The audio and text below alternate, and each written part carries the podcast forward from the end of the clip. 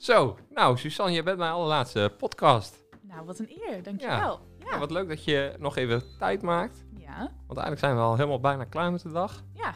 wij hebben eh, net heerlijk vergaderd. Ja, Ik heb patatjes gegeten. heb dat je gegeten. Ja, En nu, op allerlaatste taakje van de dag is nog de podcast even maken. ja. Ja. Ik ben blij dat ik me afsluit met jou. Ja, leuk. Ja. En ik vind het een hele eer. Yes. Hoe, eh, hoe, eh, hoe zijn we elkaar eigenlijk leren kennen? Nou ja, via Jonglink. Ja. Ja. Maar dat is al eh, eh, ruim een half jaar geleden? Nee, Nee, anderhalf. Jaar, anderhalf jaar al, ja precies. Ja, tijd gaat snel. Ja, nou echt, heb je niet door corona dat je soms denkt, Ja. tijdsbesef is echt... Ja, het zijn weird. dingetjes dus uitgeknipt Ja, tussen de film. Ja, er is heel veel gebeurd, maar ook weer niet. Ja, Mijn leven heeft stilgestaan, maar dus eigenlijk ook als ik er dan op die twee jaar terugkijk, vet veel gebeurd. ja. Ja. Ja, echt een idioot. Maar goed, daar gaan we het niet over Nee, hebben. precies. Ik ben blij dat alles weer een beetje normaal is en eh, weer een Ja. beetje open gaat. Ja. Want, want hoe ben jij bij Jonglink terechtgekomen? Nou, dat was dus in coronatijd. Mhm. En ehm, ik eh, werk bij Jalt. Eh, toen de tijd nog als interim professional. Eh, ik zat bij de Hans Hogeschool voor een opdracht. Ehm, maar goed, ik werkte wel eigenlijk alleen maar vanuit huis. En ik merkte dat ik wel een beetje geïsoleerd raakte door mijn werk. Niet met vrienden, dat vond ik, dat, daar vind je je weg wel in. Maar wel ehm, dat je op je werk je contacten mist. Waar je in Mhm. het zakelijke kunt combineren met het sociale. Ehm, dus ik was met een vriendinnetje aan het borrelen. En toen zeiden we tegen elkaar van ja, ik, ik, we misten dat beide. En toen zei zij, ja, maar weet je wel dat Jong Link er is? Toen dacht ik, ja, dat weet ik wel. Want ik eh, heb wel een keer een event meegemaakt. Maar eh, nooit echt bedacht dat je ook in een bestuur kon, eh, kunt komen. En zodoende nou, is balletje gaan rollen. En Ja. heb ik een gesprek gehad. En dacht ik, ja, dit is wel eigenlijk wat ik zoek. Wat grappig. Ja. Ja. Dus ehm, dat is nu ja, anderhalf jaar geleden. Ja. We zijn En ook toen nog bij de Hansen. Ja. En inmiddels ook alweer een andere functie gehad. En ook alweer in een nieuwe functie. Ja, ik heb ehm, bij de Hansen ben ik nog een tijdje gebleven omdat ze zochten naar een vaste invulling. Ehm, dat is het handige aan interimmen, dat, de- dat je dat weer kunt verlengen. En ehm, ik zat er wel op mijn plek, maar ik merkte ook dat het niet helemaal mijn functie meer was. En binnen JOT zijn we wel heel veel bezig om kijken van waar ligt je ontwikkeling, waar ligt je toekomst en wat zou je nog graag verder willen.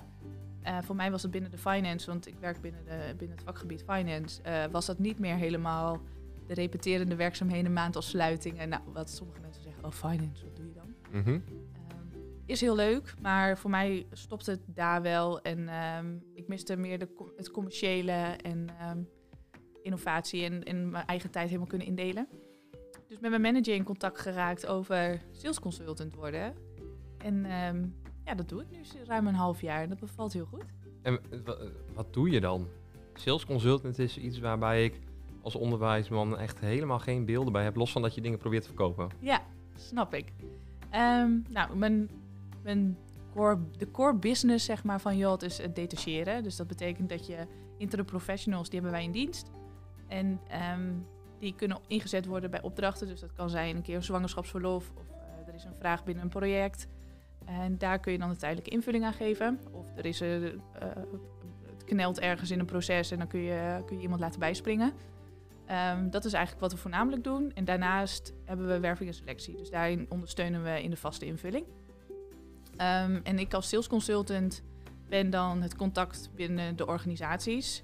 Dus mijn taak is ook om nieuwe organisaties te benaderen, maar ook vaste organisaties waar al kandidaten geplaatst zijn, daar het contact mee te hebben.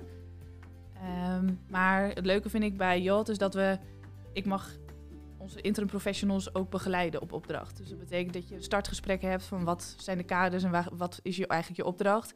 Maar ook hoe kun je dat stukje extra bieden. Ehm, en tussen evaluaties, dus hoe gaat het en eh, waar kun je eventueel nog bijsturen in de eindevaluatie. Dus je hebt ook eigenlijk wel weer een HR-component erin.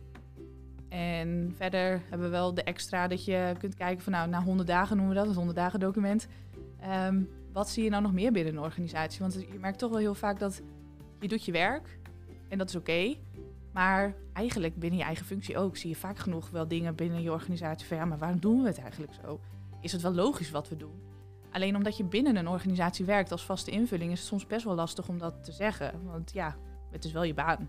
En kan ik dat wel maken? En hoe het stukje politiek eh, binnen ook wel. Nou, jij werkt in onderwijs, vind ik zelf eh, politiek gevoelige organisaties. Hoe, hoe, loop, hoe loopt het eigenlijk?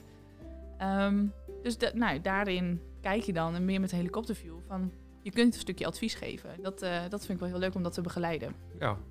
Nou, dat is echt super interessant. Ja. Ik denk dat we vijf minuten nooit genoeg zouden hebben.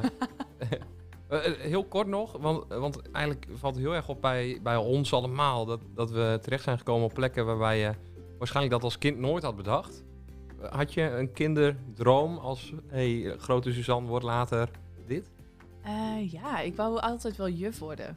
Nou, Ja, dat kan gebeuren. ja kan nog steeds. Kan nog steeds. Zeker, ja. Komt ook wel mijn moeder, die werkt in het onderwijs. Ehm, wel als orthopedagoge, dus niet voor de klas, Mhm. maar wel het stuk onderwijs. Wat ik nu dus ook in mijn werk weer heel interessant vind. Ik heb het onderwijs dan ook als... Nou, dat ik daar wat meer de lead in neem en eh, trends en ontwikkelingen binnen het onderwijs ook oppak. Maar ik vind onderwijs gewoon heel interessant. Want het, het stopt niet bij het onderwijs, het gaat verder dan dat. En eh, je begeleidt inderdaad mensen van, met een vraagstuk van... ja, wat past eigenlijk bij me? En eh, hoe zet ik dat in in de markt? En ook dan kom je vaak wel weer tegen... nou, dit- ik had het wel altijd gedacht. Net als wat je nu vraagt van wat was je droom vroeger? Mhm. Ja, ik had met de Pabo kunnen beginnen, maar misschien was ik er wel achter gekomen van nou nee, dat is het niet. Nee. En ik was vroeger goed met de cijfertjes, ja, dan, ga je, dan rol je automatisch toch wel een beetje de Ja, cijfers klopt. in. Ja. Ja. Grappig. ja, Nou ja, nooit nooit. nooit, nooit, nee zeker niet. Maar ehm, ik denk ook dat dat altijd nog wel kan en dat Ja. je daarin eh, je koppeling wel kunt maken. Ja, zeker. Ja. Nou, als je een keer langs wil komen, dan ben je altijd welkom bij Heel Noordpoort graag. of bij de Hansen. Ja, Dan sluiten we nu af. dankjewel. En jij bedankt. Ja.